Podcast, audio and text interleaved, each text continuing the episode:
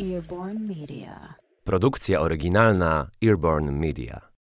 Dziś odejdę od wina nieco dalej niż zwykle, chociaż to, o czym opowiem, ma dla wina i dla winnic ogromne znaczenie. Chcę Wam pokazać, jak bardzo wiele rzeczy związanych z gospodarką, ekonomią, zarządzaniem polityką rolną, z ekologią ma ostateczny wpływ na życie winorośli, winiarzy i nas, konsumentów. Dziś opowiem Wam o eukaliptusie, a konkretnie o eukaliptusie w Portugalii, gdzie mieszkam. Nie jest to oczywiście rdzenne drzewo tego kraju. Zostało przywiezione tu z Australii w XVIII wieku, a dziś jest wszędzie. Od północy do południa, a odurzający i de facto piękny zapach eukaliptusowych olejków jest chyba najbardziej charakterystycznym zapachem Portugalii. Turysta podróżujący po tym kraju ma wrażenie, że jest tu bardzo dużo lasów. Ja też miałam takie wrażenie na początku. Kiedy jedzie się autostradą samochodem, a autostrad tu dużo i w sumie fajnie się jeździ przez Portugalię, szybko i bezpiecznie, to widzi się wszędzie zielone wzgórza. No, zielone to one są mniej lub bardziej, zależy to od pór roku, ale ma się wrażenie, że wszędzie są lasy. Kiedy na przykład jeżdżę tu z moimi gośćmi, z osobami, którym pokazują Portugalię i lokalne winnice i narzekam na brak lasów, do których mogłabym na przykład pójść na spacer sama lub z moimi psami, nikt mnie nie rozumie. Pokazują palcem na okolicę, na mijane zielone wzgórza i mówią, a to przecież tu wszędzie są lasy. Wszędzie to są plantacje eukaliptusów, a twór to jest daleki od lasu. I to jest rzecz, której szczerze w Portugalii nie cierpię, wręcz nienawidzę, a moją nienawiść do eukaliptusów podzielają winiarze. Już za chwilę wszystko Wam wyjaśnię. Nazywam się Izabela Kamińska i od lat edukuję o winie, a to są dzikie drożdże. Opowieści bez filtracji o wszystkich wydarzeniach, w których wino brało bezpośredni lub pośredni udział. Eukaliptus to ważna część gospodarki Portugalii. Został tu sprowadzony w celach produkcji papieru. I dziś to bardzo ważny filar portugalskiej ekonomii. Około 5% eksportu to papier właśnie. Eukaliptus rośnie bardzo szybko, a w latach 70. wielu właścicieli podpisało kontrakty na plantację tego drzewa. I to były bardzo dobre interesy. Wszyscy byli zadowoleni. No prawie wszyscy. Bo dość szybko okazało się, że eukaliptus to jednak drzewo z piekła rodem. Jest niezwykle inwazyjne, a przy tym powiedzmy, że niszczycielskie. Ma niezwykle niekorzystną alelopatię z większością roślin. Alelopatia to takie ładne słowo na oddziaływanie między różnymi gatunkami roślin. Niektóre rośliny lubią być obok siebie, bywają wzajemnymi inhibitorami, a inne wręcz przeciwnie.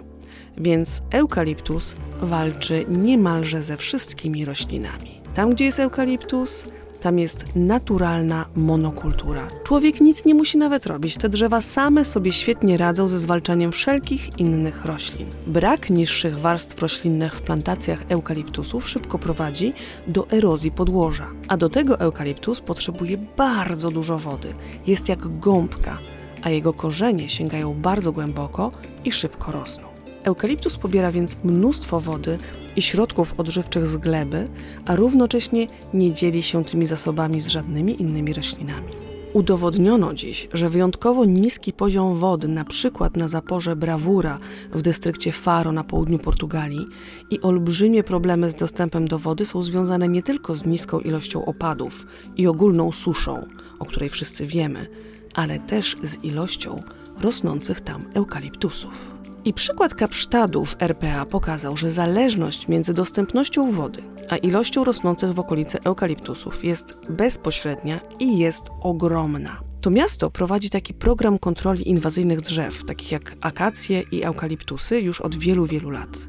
I uwaga, okazuje się, że z każdego hektara oczyszczonego z tych gatunków uzyskuje się średnio 1840 m3 dodatkowej wody rocznie. A problem z wodą ma nie tylko południe Portugalii.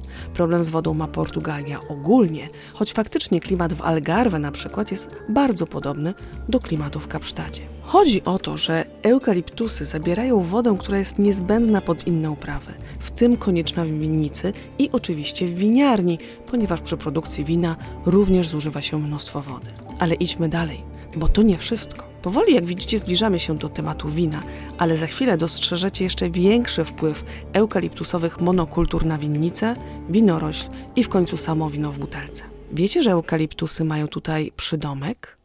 Mówi się w Portugalii na nie zapałki.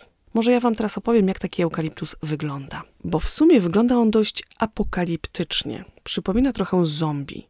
Kora z niego schodzi takimi płatami.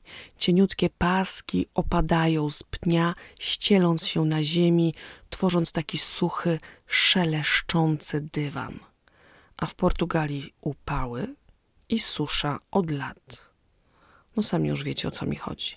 W 2017 roku droga krajowa numer 236 nazwana została Estrada de Morte, drogą śmierci. Pożary, które wtedy wybuchły i szybko opanowały ciągnące się po obu stronach tej trasy plantacje eukaliptusów, utworzyły śmiertelną pułapkę dymu i ognia, w której zginęły 64 osoby, a 260 zostało rannych. Spłonęło ponad 500 domostw, a straty oszacowano na 500 milionów euro. I od czasu tej tragedii dużo mówi się o szkodliwości eukaliptusa. Poza rzeczami oczywistymi, wyniszczenie ekosystemu przez walkę z innymi roślinami, wysuszenie gleby, wpływ na jej erozję i bycie po prostu naturalną pochodnią, poza tym, że przez pożary giną ludzie i zwierzęta, poza tym wszystkim, pożary lasów wpływają na winnice. Bezpośrednio, bo część winnic może w nich zwyczajnie spłonąć, oraz pośrednio, bo ciągnący się na dziesiątki kilometrów dym infekuje grona, powodując coś, co nazywamy smoke taint. A musicie wiedzieć, że to nie jest tak, że winiarz zrywa winogrono, czuje nutkę dymu i już wie, że z tych gron dobrego wina nie będzie. Niestety nie. Konieczne są analizy laboratoryjne, które nie zawsze są dostępne.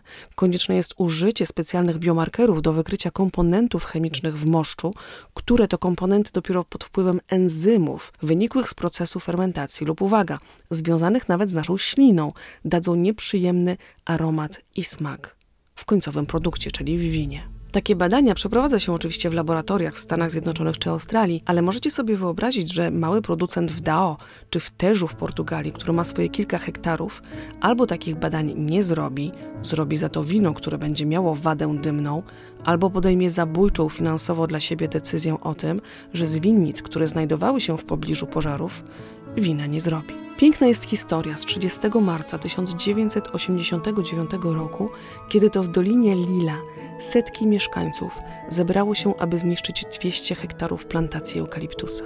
Powód? Bali się, że inwazyjne drzewa zabiorą im wodę i sprowadzą pożary. Taka była reakcja lokalnej ludności na to, że wsparta oficjalnie pożyczką przez rząd Portugalii firma Soporcel wykarczowała 200 hektarów drzew oliwnych i zastąpiła je sadzonkami eukaliptusów bez żadnych konsultacji społecznych.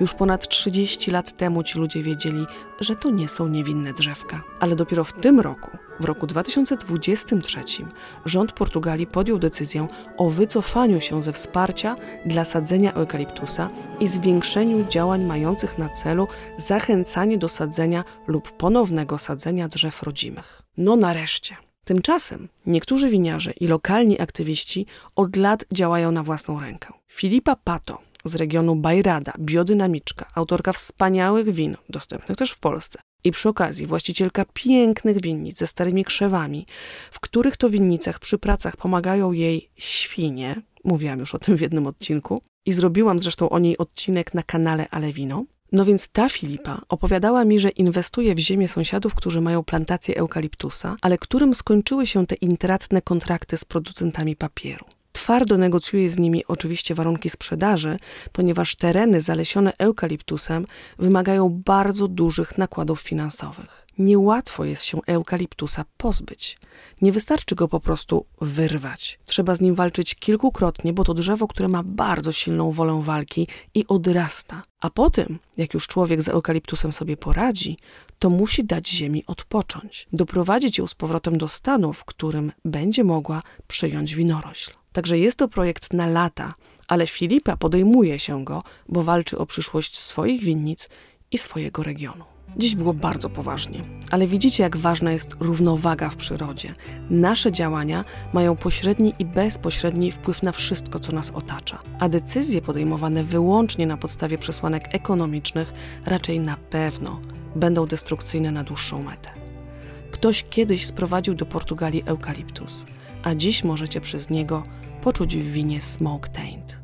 Takie to właśnie są zależności. Szukajcie historii w winie, może bardziej pozytywnych, a ja już z kolejną pojawię się tutaj za tydzień.